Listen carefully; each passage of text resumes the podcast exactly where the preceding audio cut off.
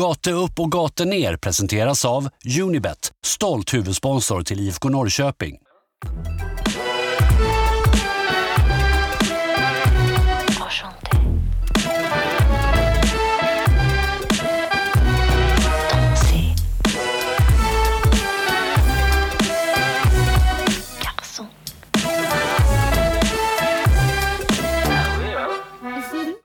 Direkt från de småländska skogarna kommer Gata upp, gata ner till er med ett mycket speciellt avsnitt då vi återigen fått en gäst.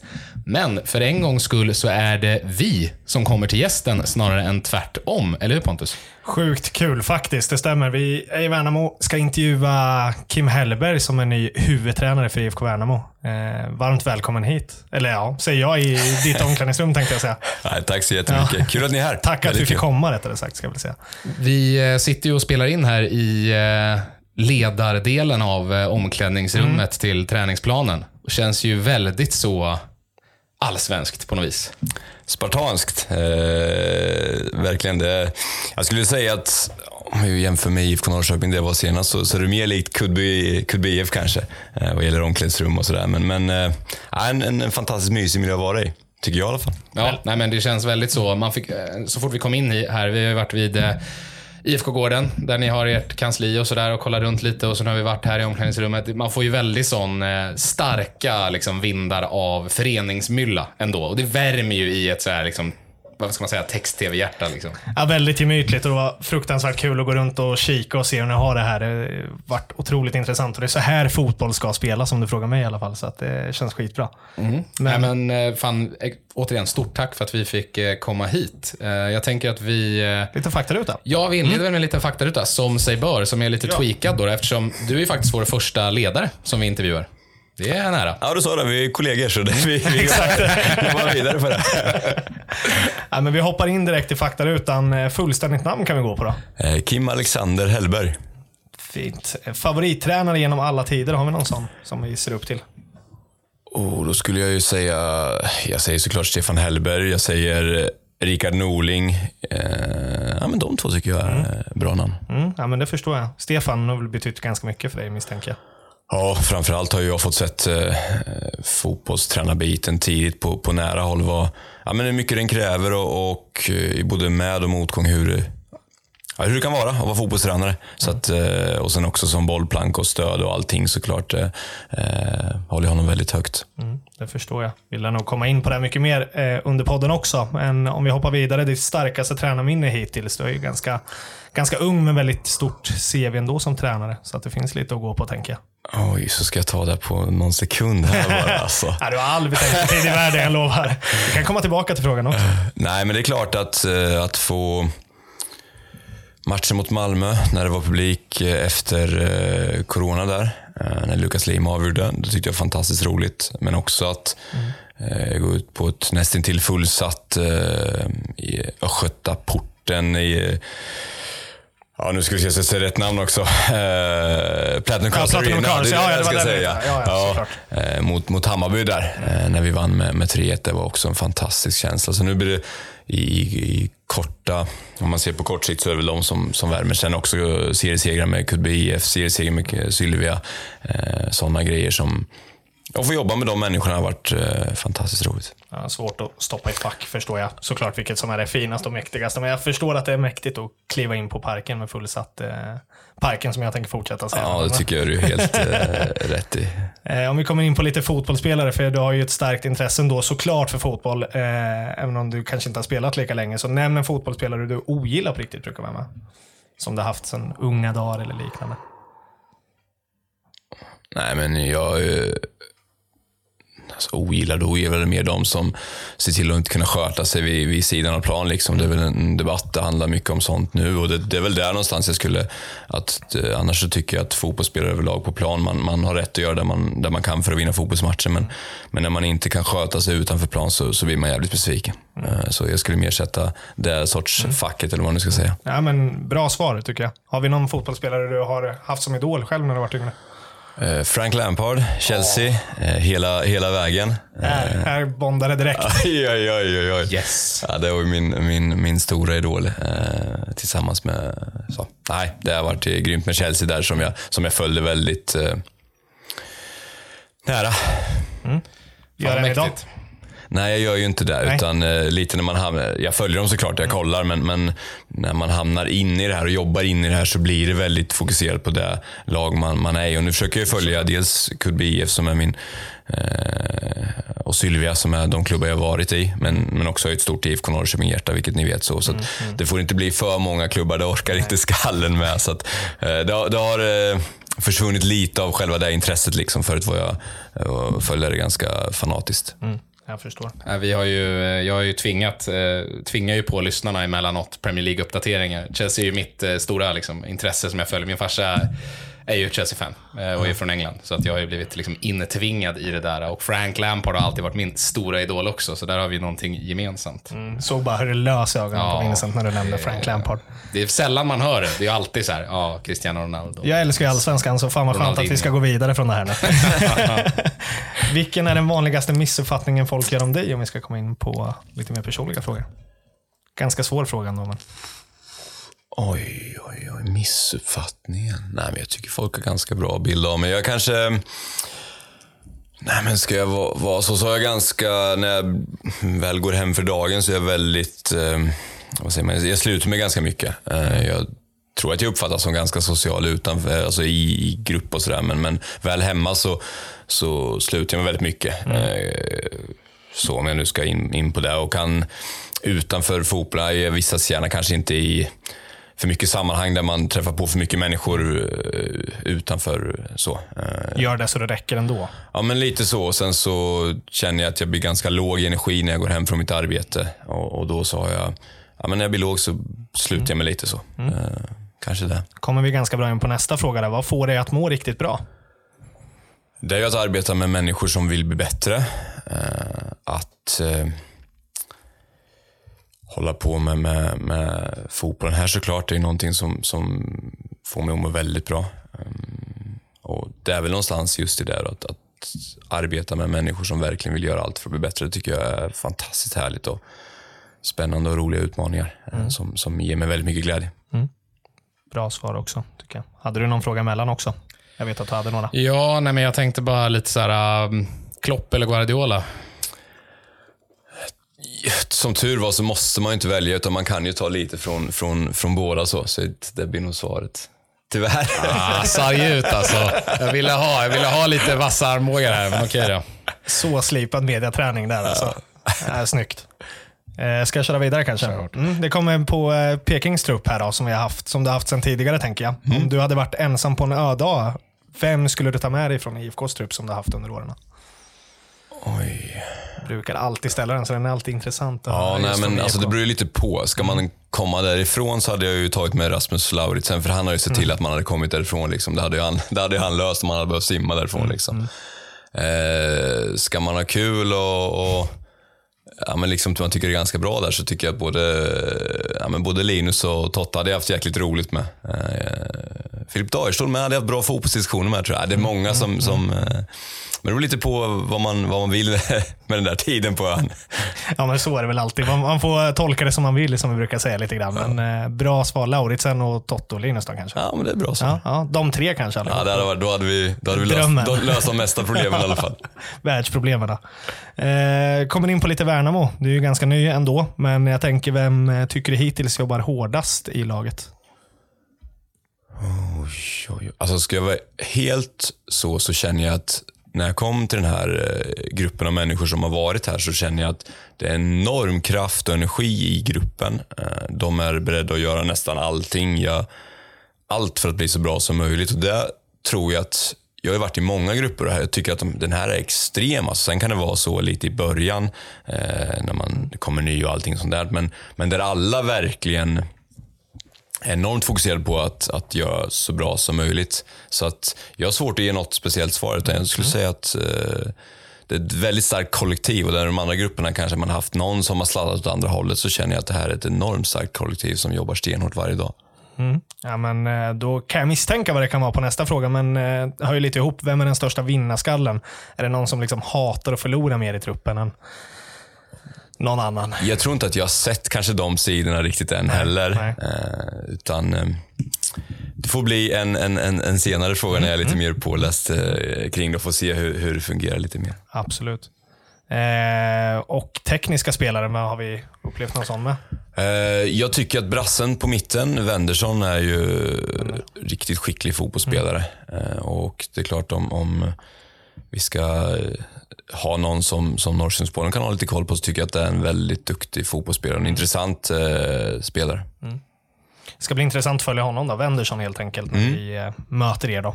Eh, hittills också, avslutande fråga som vi alltid ställer. Vi brukar ställa vad är det bästa med Norrköping, men jag tänker vända på det. Vad är det bästa med Värnamo hittills?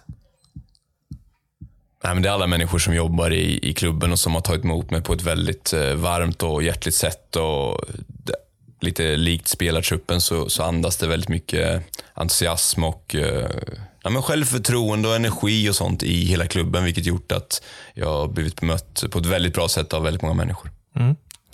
Bra svar. Där är faktarutan färdig i alla fall. Ja, och jag tänker väl att vi, eh, vi rullar väl in någonstans där vi står idag. Eh, du är huvudtränare för eh, IFK Värnamo i Allsvenskan. Hur eh, gick det till? Vad, när kom första kontakten och hur, hur fungerade det? Eh, jag eh, skrev ju egentligen i somras ett nytt eh, avtal med IFK Norrköping som sträckte sig lika länge som Rickard Norlings kontrakt var och hade ju planer på att ja, men vara där. Dels det jag berättade förut så köpte jag ju en, en lägenhet tillsammans med min fästmö och hade planer på att ja, men nu ska jag fullfölja det här och vi ska försöka vinna SM-guld i IFK Norrköping. Eh, Sen så togs en kontakt i slutet på, på året av eh, eh egentligen Simon som bara pratade lite med mig, Simon Tern då, som bara lyfte lite bollar och frågade hur jag såg på det och sådär. Eh, och då berättade jag att nej, men, mina planer är att vara kvar i IFK Norrköping. Det är det som jag har siktet inställt på och det är det jag, jag vill göra. Men det är klart att om det någon gång skulle dyka upp en chans att vara allsvensk fotbollstränare så är det ju det jag har drömt om sedan jag var liten. Liksom. Så att, hade det varit någon klubb i superettan så hade det inte funnits något intresse av att flytta på mig egentligen. Men det är klart att när du får möjligheten att uppleva det du drömt om hela ditt liv så, så måste du i alla fall lyssna. Eh, och det var vad jag gjorde och sen så blev det ett par samtal och eh, jag pratade lite med Rickard också, ganska, väldigt tidigt. Det var egentligen en av de första jag berättade för och, och berättade att de har tagit kontakt och, och hur, hur tycker du och vad, liksom hur, ja sådär. Det var ett väldigt känsligt eh, samtal. Jag var, ehm, ja men det är mycket känslor kring, kring IFK Norrköping sådär med och, och att få lämna det eh, kändes också ganska tungt. Så, så att vi, vi hade ett jättebra samtal, han har stöttat mig hela vägen och, och jag är väldigt tacksam för, för det. Mm. Ja, men skönt. Jag tycker det är intressant med just, du nämner ju också Rickard Norling som en av dina favorittränare som du ändå har, ser upp ganska mycket till. Hur lätt var det att lämna honom? Tänker jag förstår att huvudansvaret är viktigt, men trots dina unga år och allting och ta det här så pass tidigt ändå, kändes det ganska glasklart ändå att gå redan nu som huvudtränare, även om du säger att det inte riktigt var så, men om du förstår min fråga. Nej, men det var, alltså det var jobbigt och det var ju näst, något av det värsta, liksom att känna att man lämnar ja, men Rickard som har varit fantastisk mot mig i alla och jag har lärt mig hur mycket som helst av honom alltid. Eh, Så det tyckte jag var jättejobbigt tillsammans med, och, med spelarna som man har jobbat tillsammans med och, och även ledarna runt omkring. Så att just den biten att, eh, att lämna, den var väldigt jobbig. Sen så var det ju fantastiskt roligt att få möjligheten att vara huvudtränare i Allsvenskan i, så tidigt som jag ändå får. Eh, så att det var ju väldigt mycket dubbla, dubbla känslor i det där och det var väldigt mycket ja, men tankar och sånt som jag pratade väldigt mycket med min, min fästmö om, om, det och sådär. Så att, eh, ja, det, var, det var en väldigt speciell period där man liksom kände sig väldigt inspirerad men också ja, det var svårt att veta vilket ben man stod på. Eh, så. Men nu har du ju landat i Värnamo och eh, du har ju en eh, tränarkollega här som ju är en av de mer omtalade eh, personerna i svensk eh, fotboll får man ändå säga, i Jonas Tern. Och eh, turerna kring hans eh, vägran att gå diverse Uefa Pro-kurser och så vidare. Hur, eh, hur ser er arbetsdynamik ut? Jag skulle säga att jag egentligen har tre stycken assisterande tränare, där Jonas är en av dem. eh, Där David Selini som kommer från Sylvia eh, är en annan och det är Tony Johansson en tredje. Jag skulle säga att vi någonstans är fotbollsteamet som arbetar med fotbollen där David som jag la ganska stor vikt med att eh, få med mig ner till Värnamo. Eh, för jag tycker att han är fantastisk och han har varit väldigt vital för mitt arbete och min första månad här där han gör ett enormt arbete kring ja, men video, taktiska saker och kan hålla i träningar och sådär. Så det var väldigt viktigt för mig. Eh, att Jonas är kvar var ju också någonting, för han står ju för väldigt mycket av vad Värnamo är. Han har lagt väldigt mycket kraft och tid på den här föreningen och gör väldigt mycket olika saker. Eh, samtidigt blir han mer någon form av ja, men lite bollplank och lite eh, han har idéer och, mm, kring spelare när man ska värva och sådana saker. Så att han gör lite allt i allo samtidigt som han också kan hjälpa till att hålla i vissa, vissa övningar. Men gör inte det så mycket utan det är mer David i sådana fall. Men han är en enormt bra stöd för mig eh, och eh, väldigt viktig för föreningen eh, Värnamo. Och sen har jag Tony som mer har bra koll på ordning och struktur och scheman och papper och sånt där som, som jag är inte lika bra på. Så att vi har fått upp en fantastisk grupp. Och idag så ser det ut så att du jobbar ju i team. Och för mig är det väldigt viktigt att, att använda de kompetenser som finns på bästa sätt och känn, få dem att känna att de eh, verkligen är viktiga. Så det är en stor del i, i rollen som huvudtränare idag i Allsvenskan. Mm. För det jag läste mig till, eh, det du har sagt tidigare, är att du var ganska tydlig med att du ville ha huvudansvaret. Förra året var det ju väl ganska delat mellan Tern och Astrid om jag förstått det rätt. Det var ju inget som var riktigt aktuellt i ditt läge om jag förstår det rätt. Nej, de hade ju, jag pratade med Robin också, eh, för att jag kände ju precis som frågan är att nej, men jag har ju, gör ju hur mycket som helst i IFK Norrköping och driver nästan, ja, kring offensiven driver jag ju allt. Så att varför ska jag gå till Värnamo för att liksom göra något liknande i Värn? Det känns ju helt fel. Så, att, eh, så det var en av de första punkterna jag sa direkt när jag pratade med dem, att det finns inte något intresse av det överhuvudtaget, utan då är det ju som ensam huvudtränare. Ehm, och precis som du sa så hade ju Jonas och Robin förra året, jag ringde faktiskt Robin och pratade, de hade ju ett 50-50 avtal vilket gjorde att ja, men de hade ett delat ledarskap. Så, så, så jag är väldigt tacksam att Jonas eh, är kvar. Jag tycker han är en fantastiskt bra människa. Eh, jag har väldigt mycket eh, hjälp av honom. Han stöttar mig på ett grymt bra sätt. Så att jag är väldigt tacksam över det. Men samtidigt så var det precis det du säger, väldigt viktigt för mig att nej, men nu flyttar jag för att vara huvudtränare. Eh, ingenting annat. Truppmässigt då? Eh, Robin Tihi anslöt ju här nyligen på lån från AIK, som ju man ändå får säga är en, en, eh, en bra, en väldigt bra förstärkning eh, inför den allsvenska säsongen. Men om jag har rätt så är han väl den enda i truppen med allsvenska minuter sedan tidigare va? Vi har Oskar Johansson också som kom från Trelleborg. Han är en Värnamo-kille som kom tillbaka. Nu tror jag, för han värvades till Trelleborg och var i Allsvenskan. Han har några minuter tror jag. men, men, och sen är det ju Robin egentligen. Eh, Och annars är det ju spelare som kommer från division 1, från division 2 till och med. Och eh, ja, många som har eh, rutin från Superettan från förra året. Då, så att, nej, det är ju en trupp som dels tror jag är den yngsta eh, truppen. Utan att ha exakta siffror på det så, så är känslan där efter att ha sett eh, diverse siffror och sådär. Så att det är en väldigt ung trupp, det är väldigt lite rutin i den formen. Eh, men den är väldigt hungrig, väldigt energisk och det är klart att Robin var ju någon som jag såg redan 2020 när vi mötte AIK där han fick eh, komma fram och jag tyckte han var fantastiskt duktig och det känns som han passar alldeles perfekt in här. Så att där är jag väldigt nöjd med att vi lyckades få hit honom även om då det var på lån. Sen så tror jag att det kommer att eh, komma in några nya spelare och kanske när det här släpps så, så kanske vi har någon som är presenterad som jag tror har en hel del allsvensk rutin. Så vi får, vi får se vad som händer. Men det är klart att lite allsvensk rutin hade också varit bra samtidigt som man inte vill rucka på den energi som finns i gruppen. Eh, så.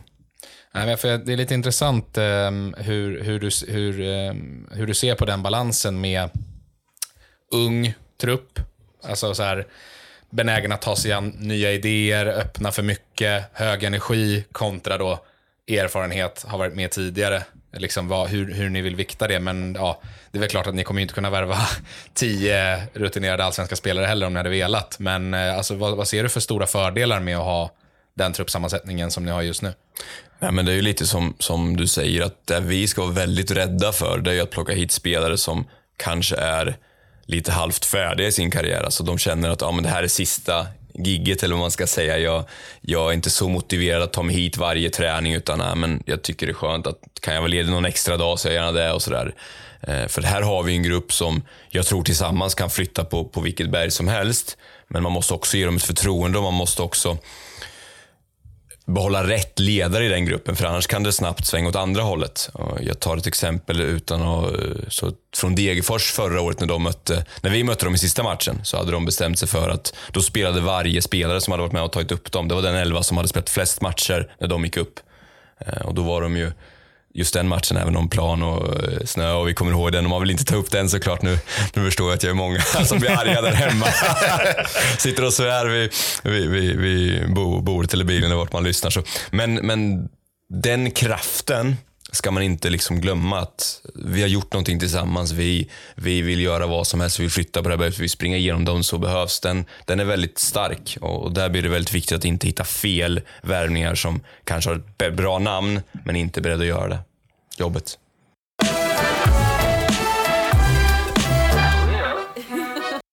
Vi ska pusha för Unicoach. Och Unicoach är ju svensk elitfotbolls och Unibets långsiktiga och gemensamma satsning för att utveckla framtidens svenska elitfotboll. Är ni intresserade utav hur svensk fotboll utvecklar sig från fotbollsmyllan, så som i till exempel Värnamo eller andra fantastiska ungdomsorganisationer, så ska man in och följa Unicoach för att ha koll på vad som försiggår. Så att är ni intresserade utav svensk fotbollsutveckling, såväl kollektivt som individuellt och vill ha koll på det senaste, så följer ni alltså Unicoach på Facebook och Instagram. Gör det bara. Mm. När vi är inne på truppen, ja förlåt nu kanske jag avbröt dig, men när vi är ändå är inne på truppen och pratar om nästa år här. Eh, vi har fått ganska mycket lyssnarfrågor om det. Rickard Norling och ni spelade ju ganska mycket man-man förra året, som många av våra lyssnare vill veta och fundera lite hur du tänker inför fortsättningen. Är det någonting man har tagit med sig vidare hit eller hur tänker man att man vill försöka spela nästa år? Vi, Eller i år ska jag säga. vi eh, kommer ju inte spela exakt som IFK Norrköping. IFK Norrköping spelade ju mer en 3-4-3 uppställning som grund och sen vet vi att fotboll är väldigt flexibelt och man kan eh, skifta och sådär. Men min målsättning har alltid varit att försöka spela med en, en fyrbackslinje, vilket vi kommer att ha här. Sen så är det många delar i det försvarsarbete som vi gjorde året som är intressant och som jag har tagit delar av. Eh, Men inte kommer se exakt likadant ut. Men vi kommer ha, men låt oss säga att IFK Norrköping hade en målsättning att försöka vinna bollen så högt upp som möjligt. Och, och den kommer vi också ha. Eh, de arbetade i ett man-man, men vi kanske vill göra det fast i kortare stunder eller i vissa ytor på plan. Så att eh, jag har lärt mig väldigt mycket av det, det Rickard introducerade och jobbade med. Och delar av det, precis som vi pratade med tidigare frågan på Klopp och Guardiola, så delar av det kommer vi verkligen använda oss av. Men, men, men inte exakt likadant. Om det var ett bra svar på Ja, det frågan. tycker jag definitivt. Det blir väl den framtida frågan då, Hellberg eller Norling helt enkelt. Då. När man ställer den. Kring... Nej, jag bara menar i Klopp eller... Ja, ja. Om du förstår vad jag menar. Ja, nej, skämt åsido. Men eh, bra svar, det tycker jag definitivt. Ehm, vad var det jag tänkte på som jag hade på gång förut? Jo, ehm, om vi kollar på truppen då i Värnamo. Som den ser ut nu. Var, vart någonstans i banan behöver ni förstärka? Jag skulle tycka att vi skulle behöva en riktigt bra eh, offensiv spelare. Gärna en nia. Eh, med tanke på 4-3 som vi någonstans utgår ifrån. Även om man återigen kan vrida på det ganska mycket. Men en nia. Eh, en försvarsspelare, gärna som skulle kunna spela mittback, vänsterback. Eh, och sen kanske någon offensiv spelare till. Jag skulle säga att vi kanske har målsättningen att få in tre spelare till. Sen om det går med budget och sådana saker och om spelarna är inom den ramen vi vill kring just det vi pratar om, ja det får vi se. Men, men målsättningen någonstans ligger väl i att försöka hitta tre spelare. Några fler lån kanske, eventuellt? Det är både fördelar och nackdelar med lån. Dels är det ju att om Robin nu gör det väldigt bra så kommer han försvinna tillbaka utan att vi får någon form av ersättning för det och eh, bygger upp en spelare. Så att, samtidigt som han kan hjälpa oss att förhoppningsvis nå det mål som ju också gör att det blir lättare för oss att, att värva spelare på sikt. Så att det är en väldigt viktig av, eh, avvägning att inte ha för många lånespelare. Eh, så att jag tror och hoppas att vi eh, kan knyta spelarna under en längre period till oss, men vi måste också vara vaksamma för att alla spelare kanske inte går att knyta på ett längre kontrakt i Värnamo heller. Så det måste man faktiskt vara, vara, ha, ha koll på. Så. Vi, vi får se, men, men helst är det klart att jag skulle vilja att de skrev treårskontrakt och var här eh, konstant och vi också kunde sälja dem och sådär. Men, men ja, vi får se. Ska vi eh, ta ett litet kliv tillbaka i tiden? Det tycker jag absolut att vi kan göra. Ja, ehm, där någonstans tr- tränarbanan började. Eh, Kudby, om jag förstått det rätt. Mm, jag hade faktiskt ett år i Kimsta innan också. Eh, men det var jag som var dålig på att uppdatera i knä. Så jag hade faktiskt ett år i Kimsta innan eh, där det startade. Med Magnus Samuelsson som spelade då egentligen. Gamla IFK-spelaren. Just det.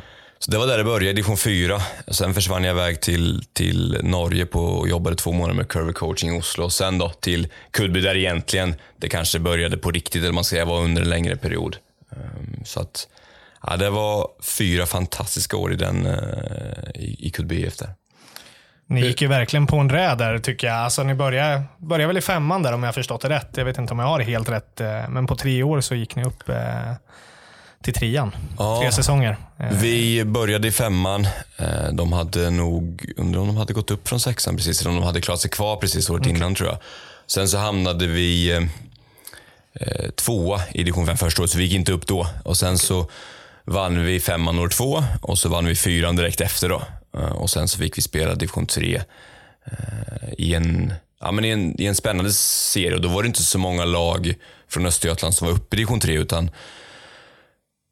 det var ju mer att ja, men det var Myresjö, det var Nässjö, det var lite Linköpingslag, så det var väldigt få lag från, från stan. Då. Det var väl vi och Linda. Eh, nu är det ju kanske lite mer Norrköpingsanknytning på den serien. Den är väl nästan en ren eh, Norrköpingsserie, division 3 nu nästan. Så att, eh, nej, men det var en väldigt spännande tid och en, ja, roligt. Hur, eh, vad, om, man, om man tittar nu då, nu, nu sitter du här eh, som allsvensk tränare. Vad, vad, kan man, vad tar man med sig från den tiden i division 5 och 4 och 3 Massor. Jag tror att eh, lite fotbollen ser nästan ut likadan, så jag har ju alltid, även om det är bättre spelare i högre upp man kommer såklart, men, men just det här med att gruppen, hur mycket du kan få gruppen att arbeta tillsammans, hur mycket du kan få gruppen att tycka om att vara här och arbeta och vilja bli bättre. Hur du kan knyta samman gruppen. Eh, I, i Kudby så ska jag väl lära då, var det, då handlade det mer om lagfester och, och liksom sådana grejer. Jag tror att vi Ja, ja, det, var, det var mycket tryck på den biten. Sen så är det klart att i Värnamo så är det en helt annan sätt att binda ihop gruppen. Men, men människor är fortfarande människor och man tycker om ungefär liknande saker ofta. Vilket gör att eh, jag tar med mig alla bra möten jag haft med människor. Hur jag har tips och knep som jag har fått hjälp av dem med. Hur man ska ja, men kanske nå människor på olika sätt och sådär. Så att jag försöker eh, att från varje människa jag träffar, oavsett egentligen yrke och sådär, försöka ta med mig saker som ja, men det här kan jag tänka på i, inom, inom mitt område. För det är klart att det är fortfarande människor vi jobbar med varje dag och vi ska få dem att prestera så bra som möjligt. Jag hörde ett eh, rykte från eh, tiden i eh, Kudby. Jag tänkte bara kolla om det stämmer. Eh, angående placeringen av hemmabänken i förhållande till assisterande domare. Att eh, det fanns något att tjäna på att låta motståndarlaget vara de som var närmast ASS-domarna och låta dem lyssna på deras gnäll istället för ert.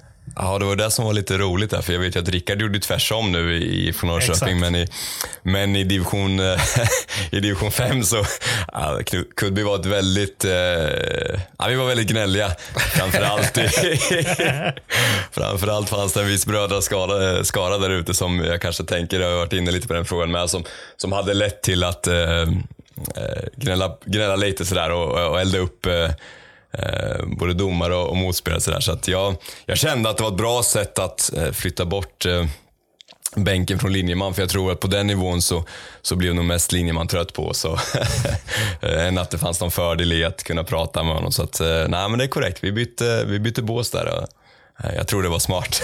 Var, var kör ni hemmabåset i Värnamo då? Blir det kvar eller? Ja, men här är vi, vi är bra mot domaren här. Vet. Så att, och här tror jag att ju högre upp du kommer så tror jag att man kan faktiskt ta en viss fördel av så länge man kan eh, att kunna prata med honom och kunna eh, ja, lyfta vissa frågor mer. Sen tror inte jag att det har någon, jag tror att domarna kommer döma som de gör ändå, men jag tror att du kan ha en viss, du kan få svar på vissa frågor och sådär om du är närmare till dem och så. Så att jag, jag, jag vet faktiskt inte vart de har det, men jag hoppas att kunna vara jag väljer Rickards eh, Norlings linje här istället, istället för min Kanske- egen. Kan nog vara smart kanske. När du är inne på domarna ändå, jag tycker att det är ganska intressant. Vi som följer liksom från tvn har ju en annan uppfattning såklart än vad ni gör.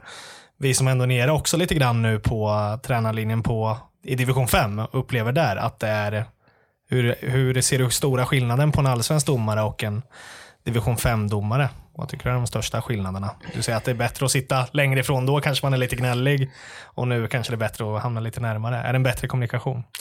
Jo, men det tycker jag. Dels en bättre kommunikation. Sen så är de ju också...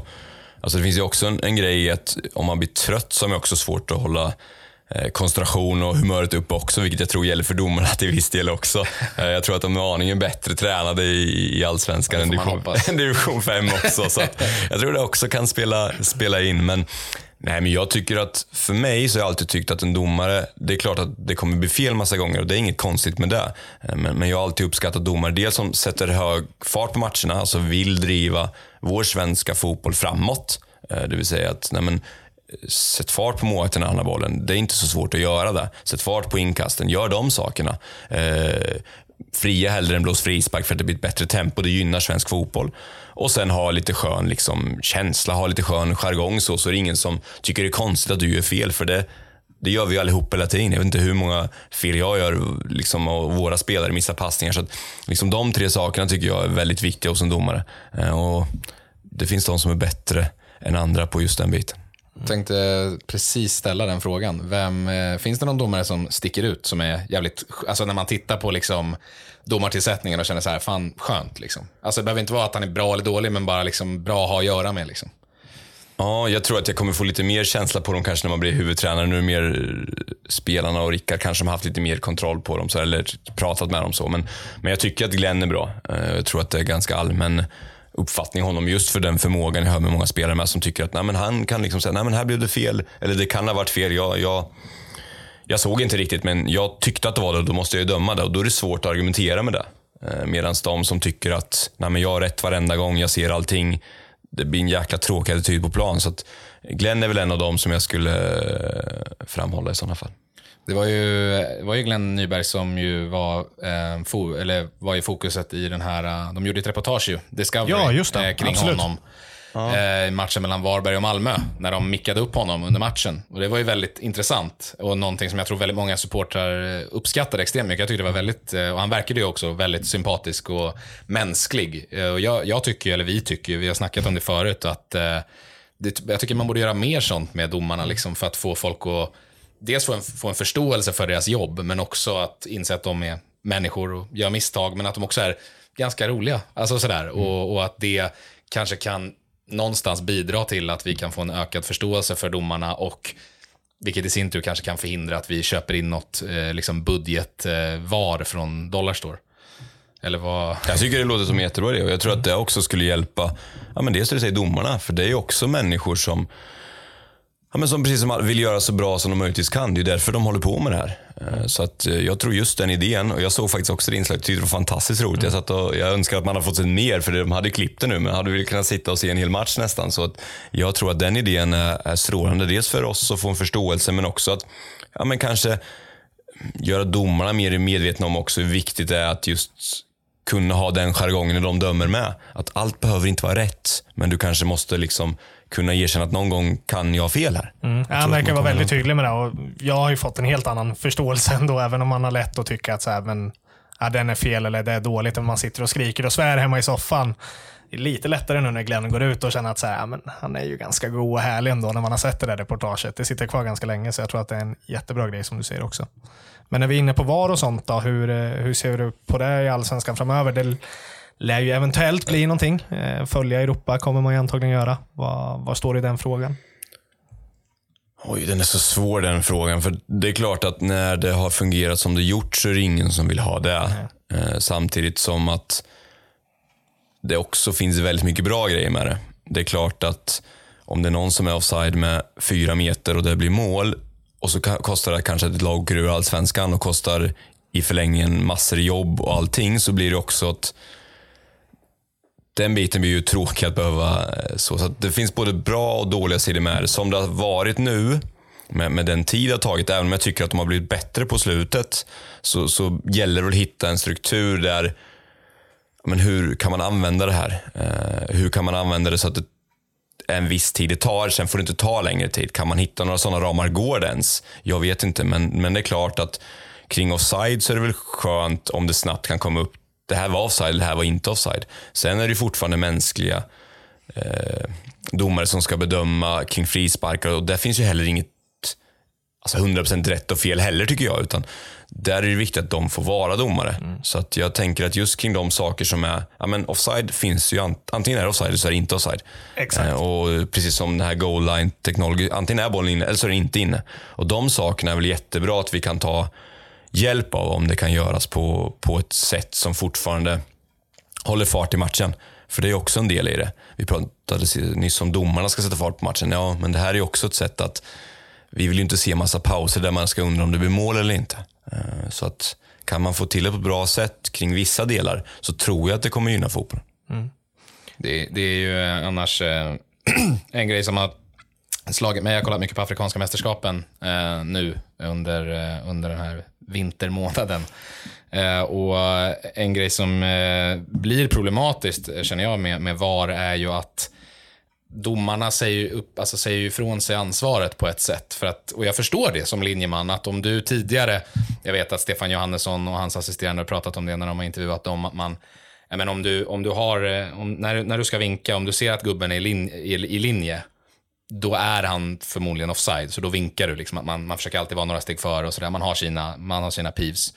Eh, men att om jag är linjeman och jag vet att jag har VAR och jag behöver ta ett sånt split second beslut och jag vet att jag, men jag kan ju vänta, liksom. då, då hade jag också släppt det. Och då släpper man ju situationerna, de utvecklas och, och då, visst så här, rätt blir väl rätt i slutändan, men jag menar, det är ju inte lika kul heller om du, men säg IFK Norrköping då till exempel, eh, det kommer en boll igenom eh, och Totti är tre meter offside, men de vinkar inte. Och sen så kommer liksom Seb Larsson flygande som ett godståg och, och bryter benen på Totte. liksom, fast de borde ju ha vinkat det för offside så hade inte den situationen uppstått. Och det är lite sådana där grejer som jag tycker är det största problemet med VAR egentligen. Att, och det känns som att det hade hänt extremt mycket i allsvenskan, där domarnivån ju är lägre, att man då hade någonstans ifrånsagt sig liksom ansvaret för att döma. Mm, ja, jag håller med. Och det kanske är också någonstans att man måste vara väldigt tydlig med att fortsätta ta beslut som domare. För det finns, ju- nu släpper de ju situationer som vi alla ser på mils avstånd. Att, men det här är offside, du kan vinka på den här. Sen om man då återigen minskar den där att, ja, men om jag kände att, undrar om det där var eller inte var, om du börjar släppa dem, för de är så skickliga linjemännen. Så att det är de du kanske vill slippa ta då. Men, men de här, precis som du säger, när det är fyra fem meter och hela arenan vet att det är offside och han som skjuter vet att det är offside och någon, någon kanske har missat det och kommer i full, eh, full fart. Liksom. Så, så det är klart att vi har lite att jobba på kring det systemet. Så är det verkligen, även om det finns bra grejer i det. Det får man inte heller skjuta ner. För det, eh, när man är in mitt i det så kan man ibland förstå att om man bara tar ifrån Norrköping 2020 så alla de straffarna som ramlade emot oss, som var, ja, det var ju sjukt alltså. Så känner man att, jag undrar vart den säsongen hade tagit vägen om vi inte hade fått alla dem emot oss. Eh, och de faktiskt hade, okej det blev straff, nej det var ingen straff. För det, det är inte bara straffen i sig, utan det bygger ju också på långsiktigt. Vad innebär den där straffen? Vad innebär det, den förlusten där? Vad innebär den för längre fram? För så funkar ju också människan så. Men eh, i grund och botten håller jag med om att vi vill se fart. Vi vill gärna veta om du mål eller inte så fort som möjligt. Givet. Vi halkar ifrån. Vi är ju gata upp och gata ner. Vi är ju högt och lågt, så att vi kommer ju alltid från ämnet. Vi var i Kudby senast, och nu har vi pratat om domare. Jag tänkte om jag skickar vidare till Sylvia, tänker jag. absolut. Eh, du gjorde ju en jätteresa i Kudby som vi var inne på. Hur eh, tog du steget till Sylvia rättare sagt, eller hur, hur gick det till när vi har gått in på Värnamo-biten här? Men, Ja, men det var ju, nu ska vi se vem det var som tog kontakt. Det var Jens Gustafsson då som hade eh, kommit till från Norrköping Okej. som tog Ja. kontakt med mig eh, för att Daniel Bäckström hade, skulle gå vidare. Ehm, Sylvia hade precis hängt kvar i division 2 i sista matchen tror jag och hade en, eh, nej, men väldigt många unga spelare. Och det här var ju en helhetslösning som gjorde att det var första gången jag kunde jobba heltid med fotbollen. eh, Där jag hade ansvar med lite fotbollsgymnasium och Sylvia då. Och återigen då en, en, en grupp med väldigt många talangfulla unga spelare som man fick chansen att träna. Så att jag blev ju kvar i tre år i Sylvia ehm, och fick eh, stöta på väldigt många duktiga fotbollsspelare men också fantastiska människor som jag har, har god kontakt med även idag som jag eh, verkligen tycker om att följa och, och hälsa på och prata med. Så att eh, ja, men de tre åren var ja, väldigt fina. Mm, jag förstår. Jag. Verkligen en talangfabrik som har kommit från Sylvia de senaste åren. Inte bara egentligen spelare utan är det själv till exempel ledare eh, och många ledare, eh, även assisterande nu som jag tappade namnet på. Möllers, heter ja. det. Så det har ju även kommit en hel del ledare underifrån där också.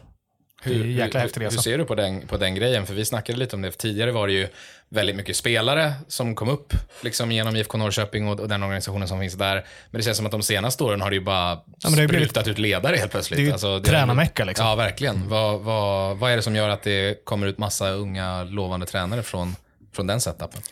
Nej, men dels tror jag att det har varit en väldigt öppen miljö, både från Jens och Rickard, i att eh, låta alltså, tränarna vara med i diskussioner. Man skapar en, en verksamhet där man diskuterar väldigt mycket. Jag tror att vi hade en ganska bra period där det kom många unga duktiga tränare tillsammans. För många av dem kom ungefär i samma period och sen så utbildade man varandra. Man, precis som spelare när man kommer till en bra grupp så pushar man ofta varandra att okej, jag måste jobba ännu hårdare. Jag måste, för jag ser hur mycket han jobbar. Och, sh- alltså det blir lite samma effekt i en tränargrupp. För många av de tränarna var ju om du tar Henrik i Mittjylland och Hannes nu som är uppe och Rickard så var vi ungefär under samma period lite, även om det överlappade lite. Så jag tror att precis som i en spelargrupp så med hjälp av eh, Jens och Rickard som skapade ett öppet klimat, man fick vara med, så pushade vi varandra på ett, på ett bra sätt som gjorde att man blev väldigt hungrig för, för utveckling. Man fick väldigt mycket bra inspiration. Eh, så jag tror att det är det svar jag skulle... mm Sen också såklart lite tur och lite marginaler och allt sånt där som, som också det finns med i fotbollen. Men, men de bitarna tror jag är viktiga. Eh, Anes, lite nyfiken. Vad har, vad har du för relation till honom? Hannes är ju faktiskt en av mina närmsta vänner skulle jag säga. Eh, Vi, han kom ju året innan jag kom till Sylvia. Så vi jobbade tillsammans i fem år, blev det någonstans där. Där han var U16-tränare, U17-tränare, U19-tränare, Sylvia och sen kom upp i A-laget nu efter mig. Eh, Fantastisk eh, energi, en jättefin människa som verkligen bryr sig om både spelare och eh, personer runt omkring. Eh, viktig att bry sig om människan men också väldigt bra på att ställa krav på sina spelare. Så att där tror jag att IFK Norrköping har gjort en fantastiskt bra rekrytering att eh, fått med honom i, i kring A-laget. Låter betryggande. Verkligen. Det känns eh, skönt att höra. Eh, hade du något mer på Sylvia? Nej, jag tänkte nästan att vi skulle trilla in lite på IFK Norrköping. Då tänker vi samma. Ja, nej men eh, kanske framförallt lite inför den här säsongen, för vi är ju en upptakt här nu. Eh, och vi, eh, du blir ju den första här. Vi ska väl försöka få in lite spelare, både här och dam och sådär och snacka upp säsongen och vad de tror och hur det gick och så och så. Men eh, du var ju verkligen i, i hetluften förra året. Hur, eh, hur skulle du säga att IFK Norrköping står rustat inför 2022? Jag skulle säga att det har svängt väldigt mycket om, om den här eh, månaden egentligen. Jag, eh, det går ju inte en dag utan att jag läser om IFK Norrköping och jag har kontakt med Anis, jag har kontakt med Rickard. Jag, jag, så att jag har ju bra koll kring de bitarna. Sen så blir man ju inte lika insatt som, som eh, man var förut när man var mitt i det.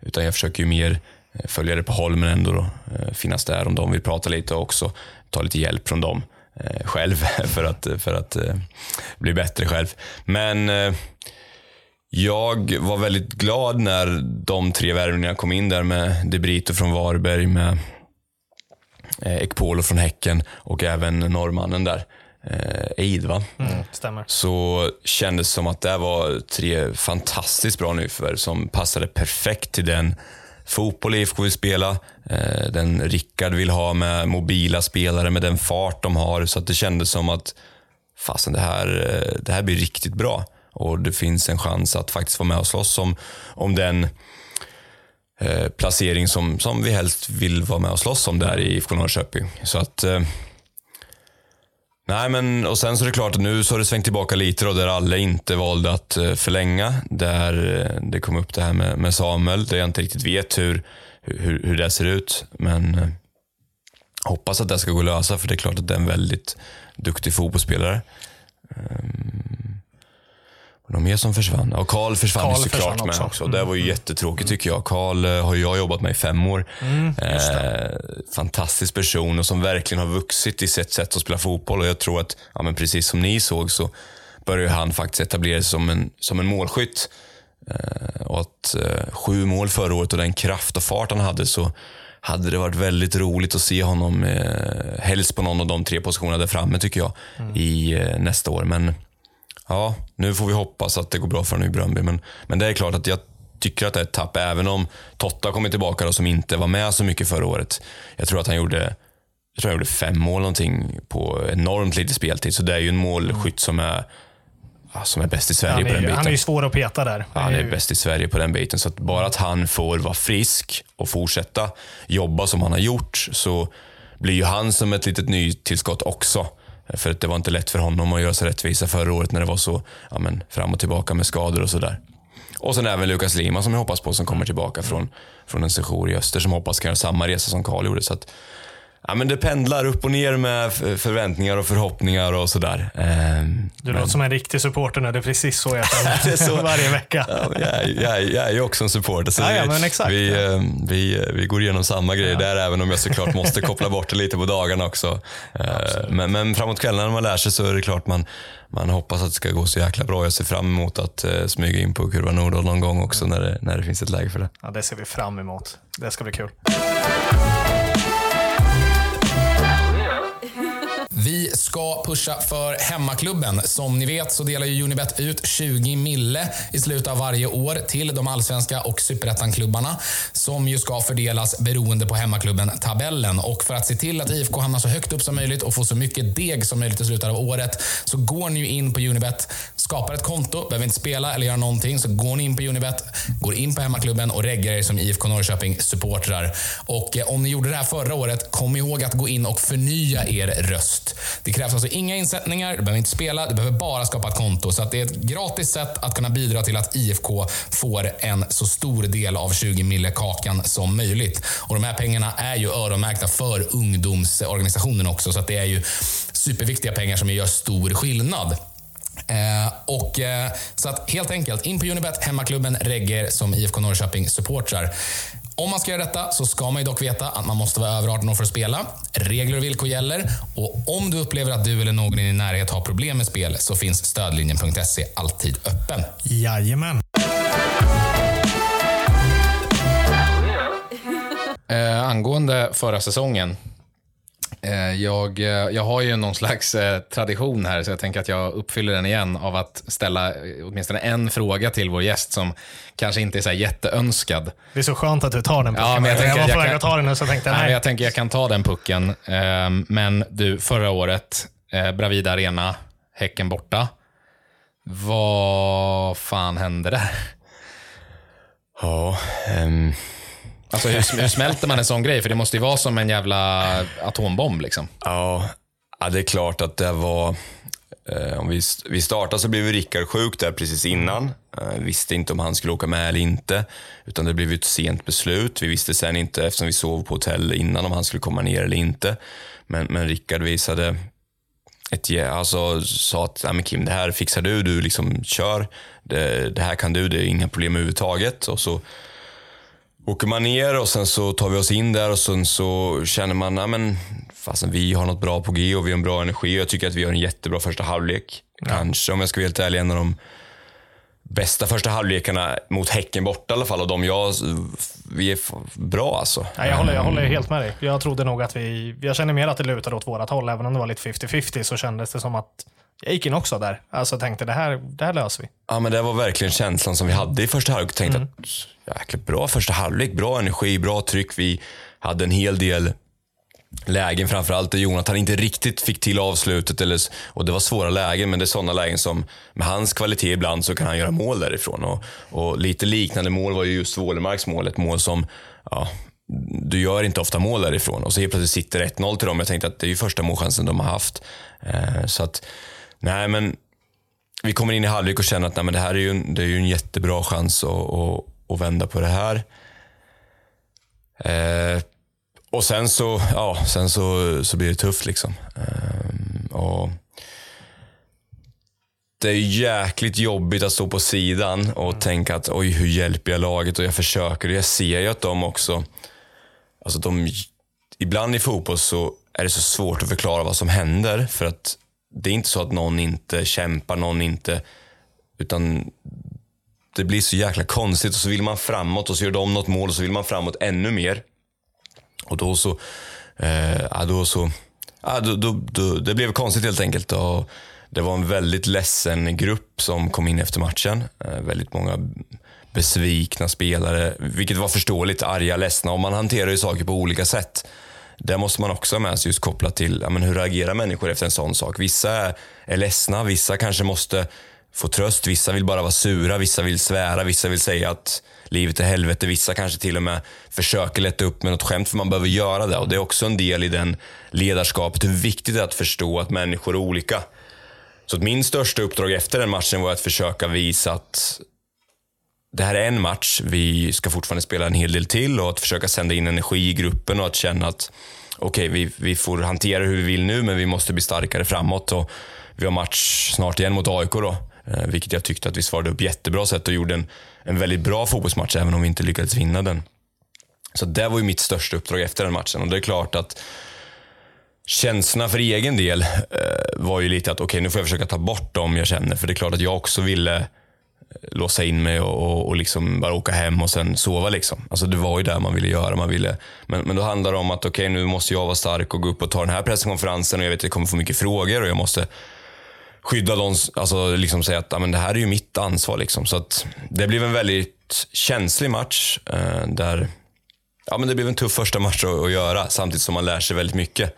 Och jag även om man inte, liksom, nu tänker man att det blir 5-0, men jag är jäkligt stolt över hur spelarna liksom kämpade för. Men jag tror att det också lite det som gjorde att vi kanske släppte ett par mål till. För de ville framåt fast vi liksom kände att normalt så kanske man, okej okay, nu är matchen klar liksom. Det blir 3-0, vi får. Men, men de ville verkligen.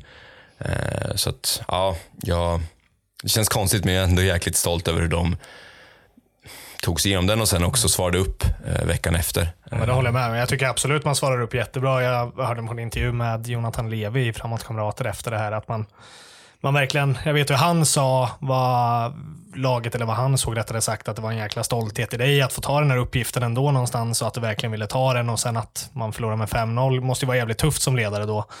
Och att man verkligen försökte kämpa för det. Det måste väl ändå vara som du ändå säger nu, någonstans skönt att veta att man har laget i ryggen ändå. Och, eller att laget står upp för en och lyssnar på en och tror på det man gör ändå trots allt. Även om man kanske som en första match ändå åker på en sån här 5-0. Eh, för att man kanske vill så mycket mer framåt. Absolut, och det var ju, jag känner ju otroligt mycket för klubben, för, mm. för spelarna. Så det var ju i all den, vi pratade om dubbla känslor förut, mm. så i mm. den stolthet av att, att stå där i den klubb du har växt upp med liksom, och, och sen så blir det så där så är det klart att det var jävligt tungt. Men eh, Ja, tungt då, men jag tänker hur, hur var känslan när du ställde det där på sidan första minuten när avsparken kommer? Nej, Hinner man tänka något? Inte så jättemycket, utan du är så inne i matchen. Mm. Eh, det var nästan lättare att känna, ja, men vi pratar igen, så när du kliver ut som assisterande och inför Hammarby-matchen när det är så mycket folk så här, hann man mer nästan känna in att wow, vad häftigt det här är att gå ut på, på, på idrottsparken fullsatt. Och, för man har inte, du ska inte ha intervjuer innan, du ska inte ha, det blir liksom du ska mer ha koll på matchen liksom, så du får lite mer tid att känna de känslorna, vilket var svårt när du är huvudtränare, för det är så mycket du ska tänka på. Ska jag ha intervju där och, och sådär. Så, det blir mycket saker runt omkring också. Men eh, det är klart att än idag, och fortfarande, så känner jag ju en jäkla stolthet över att få repre representera IFK Norrköping så. Även om det är klart att jag önskar att matchen hade gått annorlunda. Men eh, jag lärde mig saker och jag eh, kommer vara bättre förberedd nästa gång det dyker upp en möjlighet, om det nu gör det. Ja, nu har vi rivit av det plåstret i alla fall. Ja, nej men det, det var ju... Eh, förra säsongen var ju upp och ner, minst sagt. Det var ju så fort man tyckte att man var på gång och att man började bygga momentum så åkte man på en skit, eller man, ja, det blev, man fick en skitinsats på posten och så fick man börja om lite grann och sen så hade man några dåliga insatser och så kändes det som att det var på väg ner. Och då kom en jättebra insats, det var ju väldigt så berg och dalbana. Um, och um, mycket har ju snackats om Rickards då vilja att, att utföra den här man-man-pressen då över hela planen. Uh, och att det har ju då ryktats lite, jag vet inte vad som stämmer, vad som inte stämmer, men att det ska ha fin, funnits lite motsättningar i spelargruppen till huruvida det här verkligen är rätt idé och så vidare. De ryktena har ju fortsatt under vintern nu till den nya säsongen när försäsongen drar, i, drar igång. Är det någonting som, som du märkte av under tiden i, i, i, um, i laget, att det var liksom att det fanns någon form av motsättning till de här idéerna eller? Nej, ingenting som jag tänkte på under den perioden när jag var där, utan någonstans så är det alltid att när man gör någonting som är lite annorlunda eller lite nytt så, så alltså folk är ju bekväma i det man har gjort och många vill ju gärna göra det man har gjort rest, hela sitt liv. Så fungerar ju människan. Så att, eh, och i hos en fotbollsspelare, oavsett hur man gör, så kommer det alltid vara de som tycker att du ska göra på det här sättet, du ska göra på det här sättet, du ska göra på det här sättet. Så att oavsett taktik, oavsett spelare man väljer, så kommer det alltid Eh, personer tycka olika. Eh, och det är ju en av, och det är också det som är härligt med fotboll, att du som sitter på läktaren och ja, men vem som helst egentligen som står i klacken kan ha åsikter och ha rätt att ha det. Och, och, det är inte fel. Alltså inga åsikter är fel, men någonstans måste ju Rickard, eller i det här fallet när jag är i Värnamo, jag tar ansvaret för att gå på det jag tror att vi har störst chans att vinna fotbollsmatcher med. Och precis det som jag eller Rickard eller någon annan skulle ju aldrig välja någonting om inte vi tror att det är rätt. Eh, och att det är störst chans för oss att vinna fotbollsmatcher. Sen så kanske det handlar om att man också tror att man har störst chans att vinna fotbollsmatcher på sikt. Eh, där man också måste börja värdera in att, okej, okay, eh, gör det superenkelt. Om jag, bara, om, om jag tror att den här fotbollen aldrig kan göra så att vi vinner, men så har jag den här fotbollen som tror att amen, om vi får göra den ett år så kanske vi kan vinna nästa år. Ja, då kanske det är bättre att komma lite längre ner i tabellen för att jag tror på det jag tror nästa år. Så, så att, för att göra en enkel eh, Ja, men att det, fin det, finns kanske lite glastak med vissa sätt att spela fotboll, medan med andra så kan man kanske utvecklas längre om man ger det tid. Jag tror det, och jag tycker också att det handlar någonstans om att om alla ska göra exakt samma sak så kommer de som har mest pengar att vinna. Eh, eller som har bäst spelare från början. Så att jag, jag det kommer alltid finnas det och som tränare så är det, eh, det är en av de härliga sakerna att alla Eh, alla har åsikter och det är fantastiskt för annars hade inte fotbollen varit så stor. Så att de ska man liksom, jag tycker det är underbart att man tycker att ah, men hur kan du göra sådär och hur kan ni spela sådär. Och, eh, det är roligt och det är utvecklande och sen så måste man välja den väg man tror har störst chans att vinna fotbollsmatcher. Och det, det gör Rickard nu och jag hoppas och, och tror verkligen att IFK kommer vara, vara riktigt bra i år. Eh, och, eh, jag är jäkligt imponerad över hur han hur han arbetar, hur han, eh, hans ledarskap, hur han får med sig grupper. Jag tycker han är fantastisk. Så att IFK har verkligen gjort eh, eh, helt rätt i att, eh, att sätta honom vid, vid rodret. Så. Skönt att höra. Ja, nej men verkligen. Det är ju väldigt, väldigt fina ord för både Anes Mravac och eh, Rickard Norling. Mm, så det känns verkligen. ju som att enligt Kim Hellberg så är IFK i trygga händer. Verkligen, verkligen. Eh, innan vi glider in på lite lyssnarfrågor och sådär, kanske så tänkte jag bara ställa en enkel fråga om du bara får dra den eh, spontant. Var, eh, var slutar IFK Norrköping den här säsongen i Allsvenskan? Oj. Spontant skulle jag dra den också, så det gör jag världens... Alltså jag vill ju alltid säga etta såklart. Eh, jag, jag säger att IFK Norrköping, lite beroende på hur det går nu också, att eh, det handlar om att knyta näven nu lite också. Att, att visa att ja, men vi vill vara med och slåss om det här och ge Rickard och Anes och de runt omkring och fansen de förutsättningarna. För det är lätt att säga att vi ska vara det och sen så säljer man av varenda spelare och så tänker att ja, men vi kan ta upp egna unga, men det funkar inte riktigt bara så. Så att eh, om, om om vi eh, IFK Norrköping är starka i det och står fast vid det och verkligen ger de bra förutsättningarna så tror jag att IFK Norrköping är med och slåss om guldet nästa år. Mm.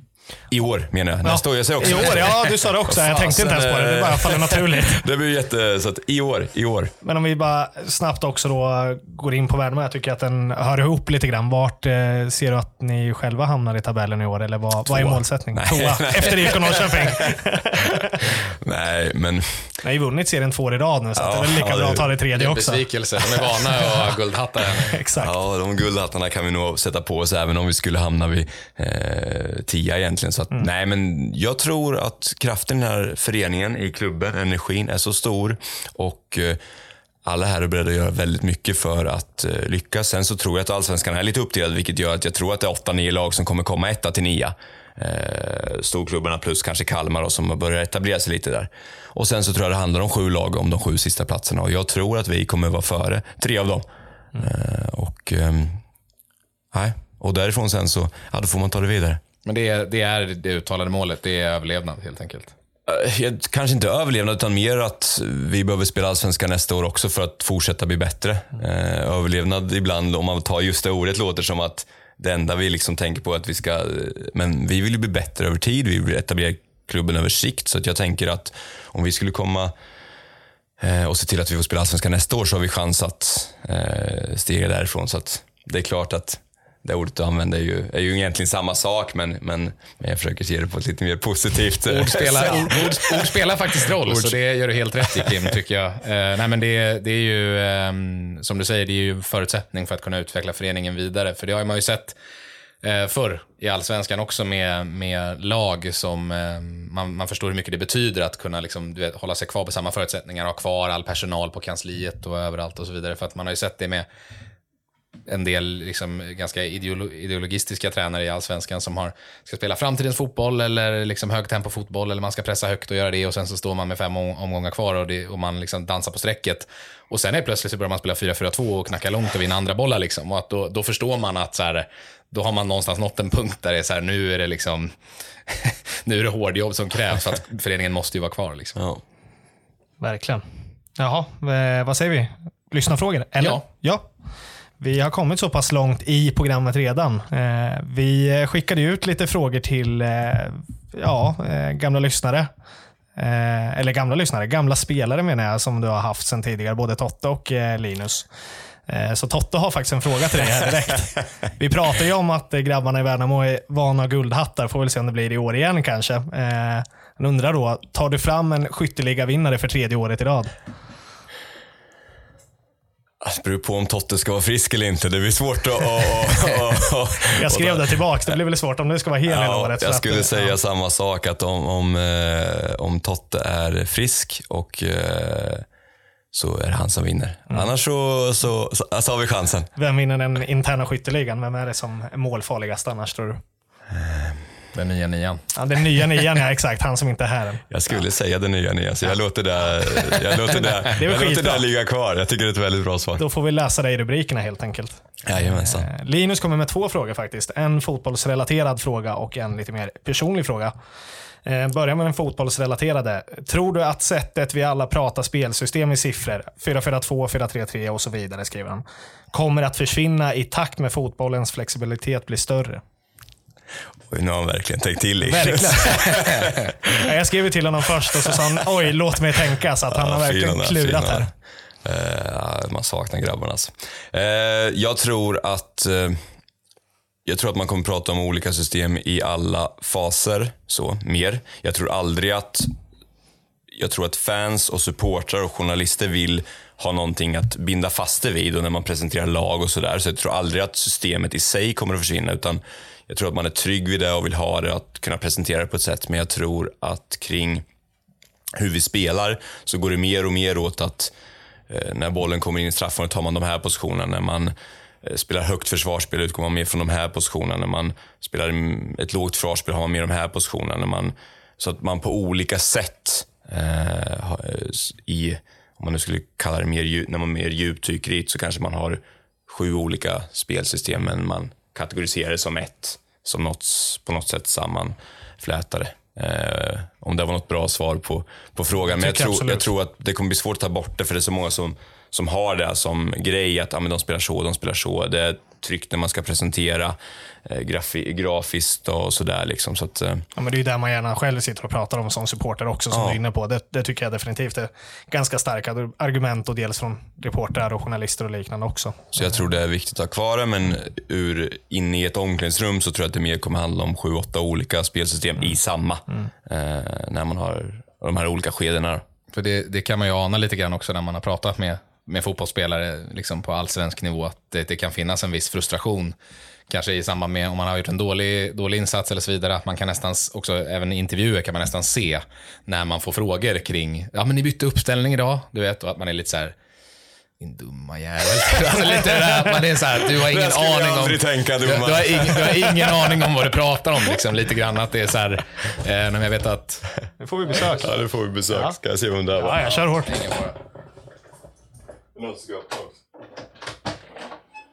Tjena, tjena. Är det okej att jag kör en liten podd? Tja, tja.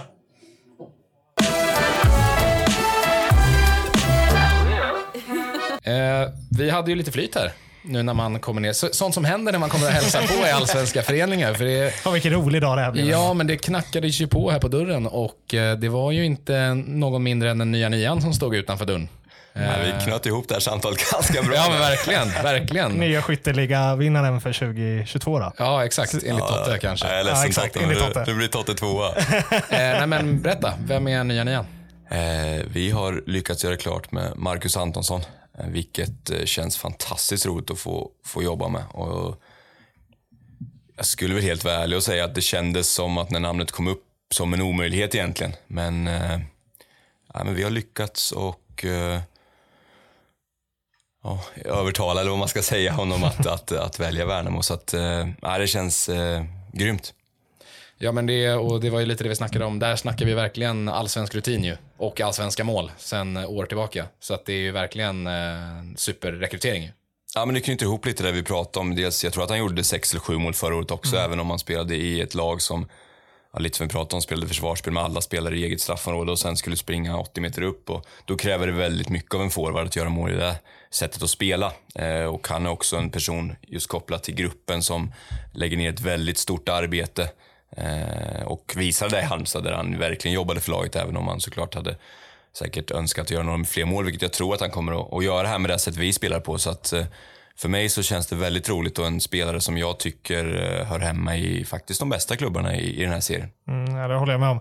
Vad ser du i hans, inne på lite på ledarskapsrollen som jag förstår att du tycker att han kommer bidra med. Vad ser du som hans starkaste sidor här i Värnamo på planen och hans största egenskaper han kan bidra med framåt i banan mer, mer än mål kanske? Nej, men dels ett, ett djupledsspel. En, eh, jag tycker att han är bra i boxen. Jag kommer ihåg målet han gjorde mot IFK Norrköping eh, när han nickade in den där. var fantastiskt. Eh, ja, jag tänkte vad, Har jag drömt mardrömmar om kan jag Ja, säga. vilket mål han nickade in. Eh, Så att jag tycker att han har alla egenskaper för att kunna vara, göra väldigt mycket mål. Har varit i ganska stora föreningar, både Malmö så var ju Leeds också, vilket eh, har med sig erfarenhet och visade också i Halmstad hur mycket han var beredd att lägga ner för lagets skull också. Där han kanske offra lite av sina egna möjligheter att göra mål för att man lägger ner sånt extremt arbete och spelar lågt försvarsspel. Så att jag tycker att han passar in på alla de boxar vi pratar om och det här är såklart en, en drömvärvning för Värnamo att få göra och eh, någon som jag ser fram emot verkligen mot att få, få jobba med. Mm, det förstår jag verkligen. Häftigt. Tillbaka till eh, Ja, lyssnarfrågor. just det. Ja, jag var så inne på, på Marcus här och allting så jag har helt Ja, kopplat bort att vi ens hade lyssnarfrågor. Eh, Super, superrekrytering känns det verkligen som. Ja, det verkligen. känns som att det kommer smälla. Linus första fråga hann vi med. Det var väl därefter vi var. Han Ja, hade ju en det. fråga till. System, ja. Ja. Eh, vet att Kim tycker att det är viktigt med lagsammanhållning och att man hänger utanför fotbollen också. Hur ser möjligheterna ut i Värnamo för lagskivor? Har han hunnit känna in truppen än? Han Vi var inne på det lite förut också. Ja, vi var ju inne på det lite. Nej, men återigen så, jag tycker att idag så kan fotbollsvärlden bli så jäkla fyrkantig att ah, men du ska äta det här, du ska äta exakt det där och det där får du äta. Men så glömmer man ibland bort att, ja, återigen, det är människor som, som vi ska få och göra saker tillsammans. Och det är klart att ja, om du ska följa varenda kostgrej och allting som finns så, så kanske inte heller det är så roligt. Så att du måste ju också, missförstå mig rätt nu, men, men det är viktigt att ta hand om sin kropp. Men ibland så måste du också kanske förstå att, att kunna gå ut och ta en öl tillsammans med ett lag eller en sån skiva kan ge mer än vad det är att sitta och äta eh, sallad eh, bara. Liksom. Så att eh, just kring den biten har jag alltid haft med mig från den kuddbeproven också. Att det är viktigt att se till att vi gör aktiviteter där man kommer samman. Och nu ska jag inte sitta här och premiera alkohol och såna här saker, utan i, i måttliga mängder så Förstår kan vad du det. Absolut. göra att folk släpper lös lite, att man kan vilja prata med personer som man inte pratar med annars, att man vågar prata med, för det ska man också ha med sig, att det finns spelare i trupper som, som tycker det är jobbigt att prata med andra spelare. Alltså, det är inte så jäkla lätt. Och, och, och med någon öl innanför västen så kan det ibland vara att man, ja, men man har lättare att ta kontakt, man skaffar roliga minnen och grejer tillsammans som man sen kan hålla fast vid ute på plan. Så att jag tror att just den biten är jätteviktig. Och, eh, för Linus vetskap så har vi, har vi en inplanerad, eh, näst, inte den här fredagen utan nästa fredag, en, en, en, någon form av eh, ja, han sa ju lagskiva, men, men åt, åt det hållet. Så Mm, kul. att eh, vi, vi jobbar på med det. Ja, det, den kommer i alla fall. Den kommer rätt tidigt. Den, den, den kommer. Det känns, jag förstår ändå vad du menar lite grann. Jag tycker ändå, vi tränar ju division 5-lag som vi snackade om tidigare också eh, på den nivån och våran vändning kom ju lite grann egentligen efter vi började ha liksom, lagaktiviteter och hitta på saker. Ja, inledde Så att det- ju piss och sen Ja. hade vi lagfest och sen började vi vinna. Så att, eh, man vet ju inte. Man ska Men, inte underskatta det. Sen exakt. så är det klart att på, på, när man var på den nivån i Kuddby och sådär, så var det ju var det också väldigt viktigt att få dem att komma till träningen. Att, att de kände att det här är så roligt så att vi kommer till träningen. Och det gör de ju här oavsett för att de får betalt för det. Men de ska fortfarande tycka det är roligt. Och det finns ju ingenting som säger att någon som spelar här behöver tycka det är roligt att spela fotboll. Alltså så funkar det ju inte. Utan de kan ju också känna att ah, det här är pisstråkigt. Fast man tänker som utomstående att oj, gå till spela fotboll som jobb, det måste ju vara det bästa som finns. Men, men återigen, det är människor. Eh, vissa kan ha det jättejobbigt på, på även ett sånt här jobb. Så att jag tror att det är jätteviktigt att, att knyta gruppen. Sen behöver inte det alltid vara att man ska skå- skåla och dansa på borden. Utan men, men, men eh, ibland kan det också vara bra. En bra fråga av Linus. Han är vass alltså, ja, verkligen. Han slipat ihop bra. Vi har några lyssnarfrågor kvar innan jag tänker att vi avrundar helt. Eh, får av Inka här på Instagram. Värva Kastegren. Hur ser du på den värvningen? Oj, Kassegren tycker jag är en jättebra spelare, bra person. Skulle såklart eh, passa jättebra i den grupp som, som är här. Sen så tror jag att Henrik har väl eh, större mål än, än Värnamo, med all respekt för, för Värnamo, för att han hade väl tankar att komma utomlands. Och även om Småland är en bit från, från Östergötland så är det inte, är det inte så mycket skillnad på, på, på väder och sådana grejer. Så att, eh, ja, det är klart att om hade Henrik Kastegren hade velat komma hit så hade jag tyckt att det var fantastiskt. Mm. Ja, han har inte knackat på dörren än kan vi säga. Han, Nej, vi, vi, vi, vi, vi har några minuter kvar här, så man vet ju aldrig vad som kan hända. Två frågor till här har vi, så jag tänker fan, jag hoppas att eh, Kastegren kan kika förbi också. Nej, vars. Eh, Henrik, 79, undrar, när bestämde du dig för att det var fotboll som skulle vara levebrödet? ska man ta ett sånt här... Dels så bestämde alltså, det var ju som, man har ju som dröm som alla och då vill man ju spela fotboll så. Sen så skulle jag säga att när jag var 22 år egentligen så var ju då jag bestämde mig att då slutade jag spela fotboll och så tog jag första tränarjobbet i Kimsta. Och det är väl någonstans, jag skulle säga att om man nu ska säga att man gjorde någon form av uppoffring för att börja den här karriären.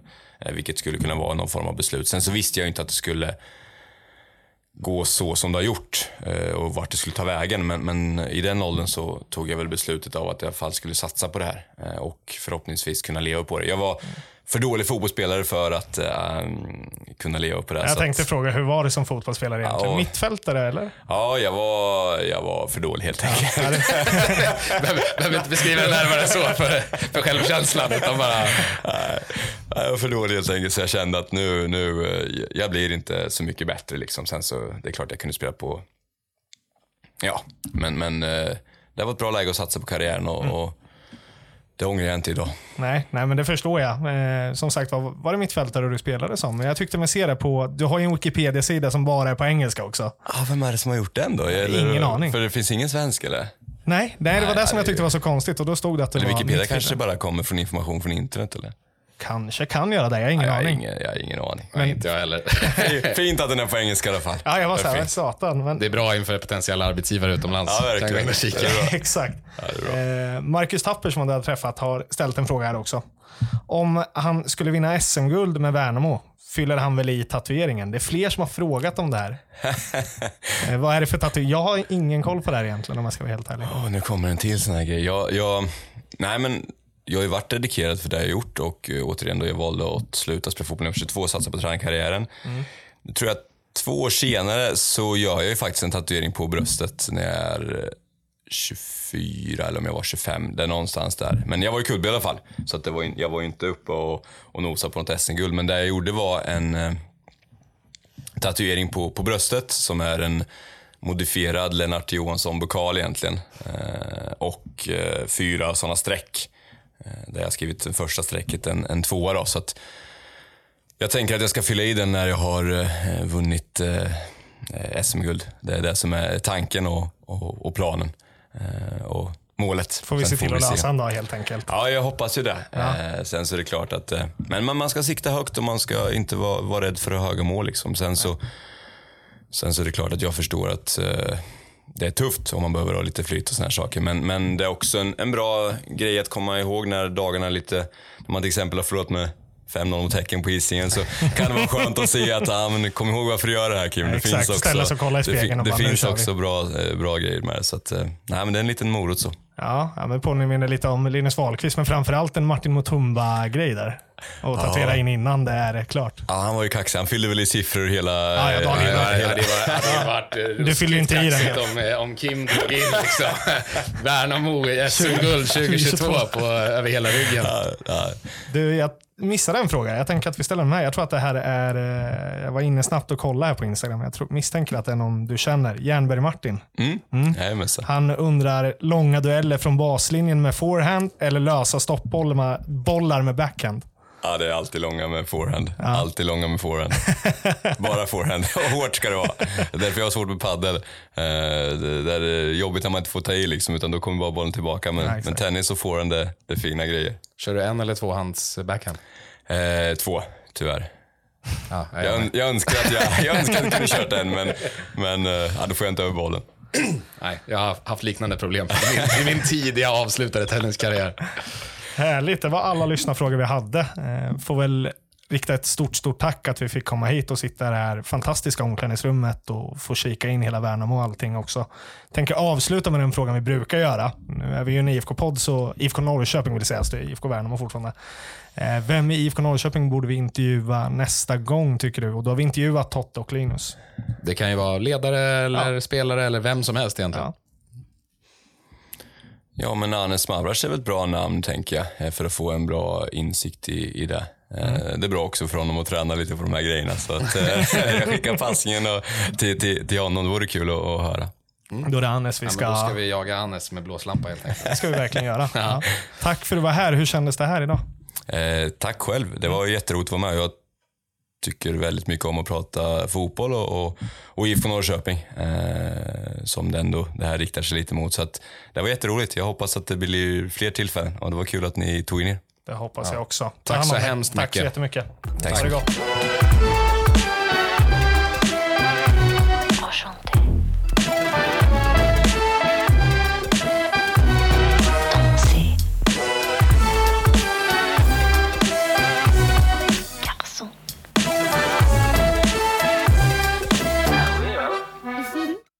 Den här podcasten presenterades av Unibet,